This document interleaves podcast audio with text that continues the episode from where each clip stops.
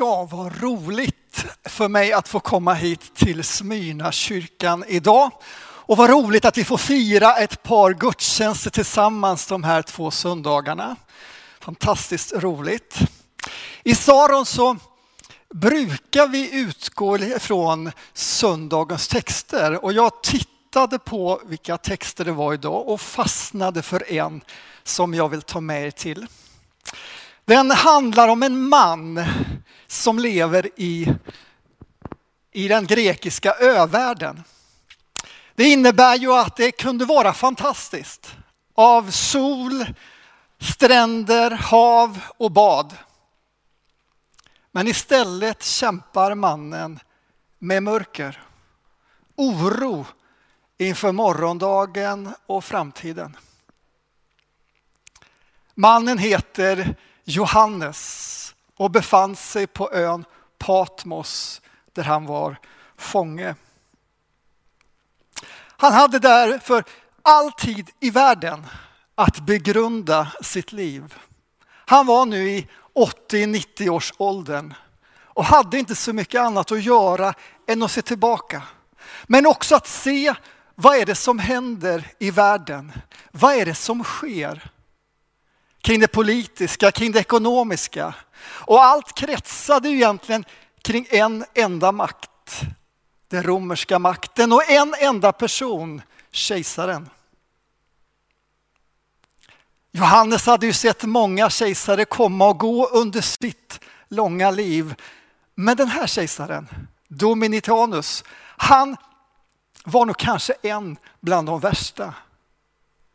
Hans maktfullkomlighet hade skapat ett slags skräckvälde, inte minst för den unga Jesusrörelsen som Johannes var en del av och som ju hade fört honom till just den här ön. Kejsaren var också den som tillhörde de som ville bli upphöjda som en gud, tillbedda och därför placerades ut statyer runt om i riket kring honom. Ja, det finns så mycket att säga om Johannes tid. Vi befinner oss någonstans på runt 90-talet efter Kristus. Det är mycket som är osäkert. Det är ju mycket, många frågor och allt det där inbyggda behovet vi människor har av förutsägbarhet, av kontroll över morgondagen. Ja, den hade ju inte Johannes mer än att han kanske visste att han snart skulle dö.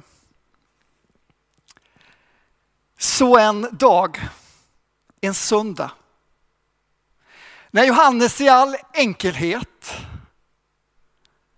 skulle fira gudstjänst där han var alldeles ensam utan några digitala hjälpmedel men ändå så väl medveten om att han firade gudstjänsten tillsammans med allt Guds folk i hela riket. Ja, den här dagen så händer någonting. Hinnan mellan himlen och jorden försvinner. Det är ungefär det som sker i templet när Jesus dör och förlåten rivs itu. Och så får Johannes möta någon som man känner igen och ändå är så olik. Nu vill jag läsa ifrån Uppenbarelseboken kapitel 1 och vers 9 och framåt. Jag Johannes, er broder som i Jesus delar lidandet, kungavärdigheten och uthålligheten med er, hade kommit till ön Patmos för Guds ords och Jesu vittnesbörds skull. Jag kom i hänryckning på Herrens dag och hörde bakom mig en stark röst som en basun och den sade Vad du ser Skriv dig en bok och skicka den till de sju församlingarna. Till Efesus, Smyrna, Pergamon, Thyatira, Sardes, Philadelphia och Laodikeia. Jag vände mig om för att se rösten som talade till mig. Och när jag vände mig om såg jag sju lampställ som av guld och mitt bland lampställen såg jag någon som var lik en människoson i fotsid klädnad och med ett bälte av guld om bröstet. Hans huvud och hår var vitt som vit ull, som snö och hans ögon var som eldslågor. Hans fötter liknade gyllene brons när den glöder i smältugnen och hans röst var som rösten av stora vatten. I sin högra hand höll han sju stjärnor och ur hans mun kom ett skarpt tvegat svärd och hans ansikte var som solen när den lyser i sin kraft. När jag såg honom föll jag ner som död för hans fötter. Och han lade sin högra hand på mig och sade, var inte rädd. Jag är den förste och den siste och den som lever. Jag var död och se jag lever i evigheters evighet. Och jag har nycklarna till dödsriket och döden. 50 år tidigare hade Johannes mött denne man på stranden vid Galileiska sjön. Då i all enkelhet, men nu nu skiner, nu glänser det om honom. Hans gudomliga identitet lyser med sån styrka att Johannes skumma ögon blir bländade. Och så presenterar sig mannen med ett budskap som består kanske av någon mening. Jag är den förste och den siste och den som lever. Jag är den förste och den siste och den som lever. Jag är. Ja, orden känns igen när Gud möter Mose vid den där heliga platsen och stunden i den brinnande busken. Jag är den förste och den siste. Ja, de orden, de kommer ifrån Jesaja bok. 700 år tidigare. När Gud ska tala till folket då och berätta att det ligger en tid framför som kommer vara svår. Landet, ni folket kommer att bli tillfångatagna. Ni kommer befinna er i främmande land under lång tid. Ni kommer känna en osäker tillvaro. Och ni kommer också bli imponerade av alla de hantverk och alla statyer som är uppsatta i de städer ni kommer till. Men vet nu en sak. Och så säger Gud. Det finns ingen annan Gud. Jag är den förste och den siste. Vilka mer än jag kan se vad som ska hända i kommande dagar? Från Jesaja 44. Jag är den som kommer uppfylla er framtid, även om ni kommer uppleva den osäker. Och jag kan se att det finns likheter mellan Jesajas tid och Johannes tid. En osäker och instabil tillvaro där man gav mänskliga ledare och mänskligt tillverkade produkter och varumärken en gudomlig status som man satte tilltro till och trygghet. Och i båda de här historiska händelserna framträder en röst som säger Jag är den första och den siste. Jag uppfyller morgondagen och framtiden. Jag är den som håller i detta stora som kallas för historien. Och även om det finns kapitel som är svåra att förstå, ja, kanske till och med grymma att uppleva och som inte alls är min vilja, så kommer jag föra historien, berättelsen dit jag vill. Och så är vi så i Bibelns sista bok, Uppenbarelseboken, där detta perspektiv blir kanske mer viktigt än någonsin. Och där Jesus nu möter Johannes med just dessa ord. Jag är den första och den siste. Och Johannes får återkomma till det när han får skriva brev till församlingarna och just till församlingen i, just det, Smyrna. Så ska han skriva att det är, jag är den första och den siste. Var inte rädd, var trogen. Och så fortsätter det ända fram till sista kapitlet där vi får en skymt av den där historiens avslutning. Slutet. Och där Jesus på nytt trädde fram och säger, jag är A och O. Den första och den sista, början och slutet. Han som uppfyller vår framtid, varje kapitel, varje sida, varje bokstav.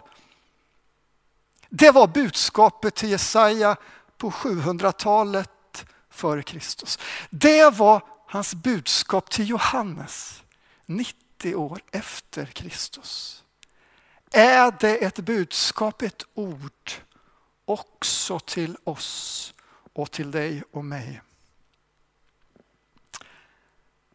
Ja, jag vet inte om du tyckte att den här historiska och bibliska exposén var var intressant eller relevant men kanske du ändå kan hålla med om att också vi lever i en tid som är allt annat än säker. Som är präglas av osäkerhet.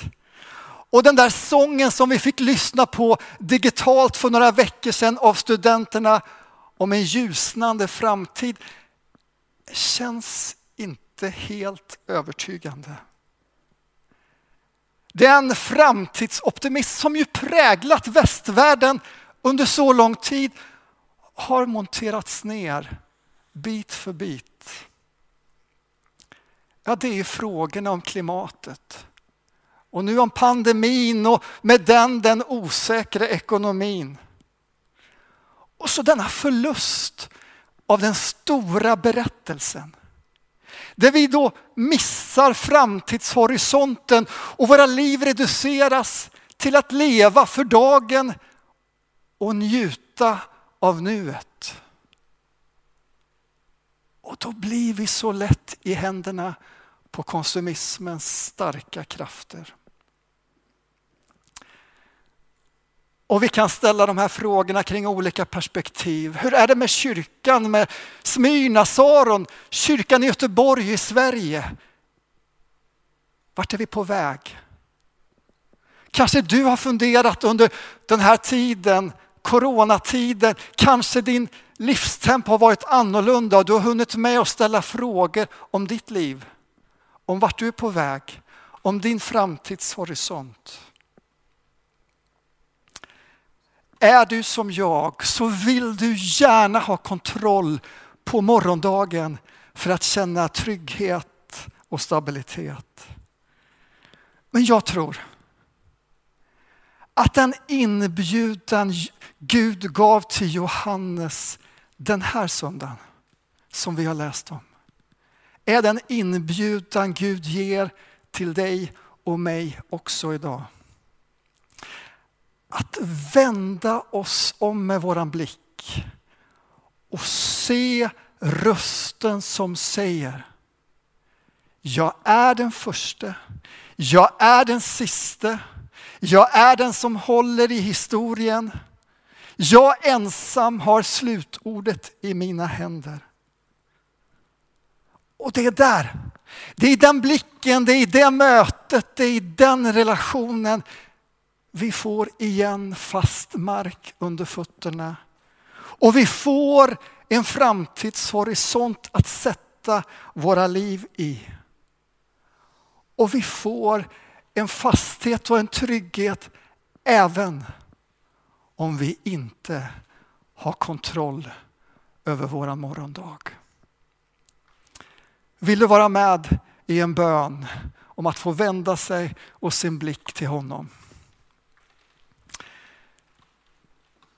Jesus, nu får vi göra det som Johannes fick göra den här söndagen. Mitt i alla våra frågor om våra liv, om kyrkan, om världen och allt det vi står i och våra frågor för framtiden. Jesus, du vet att de är många.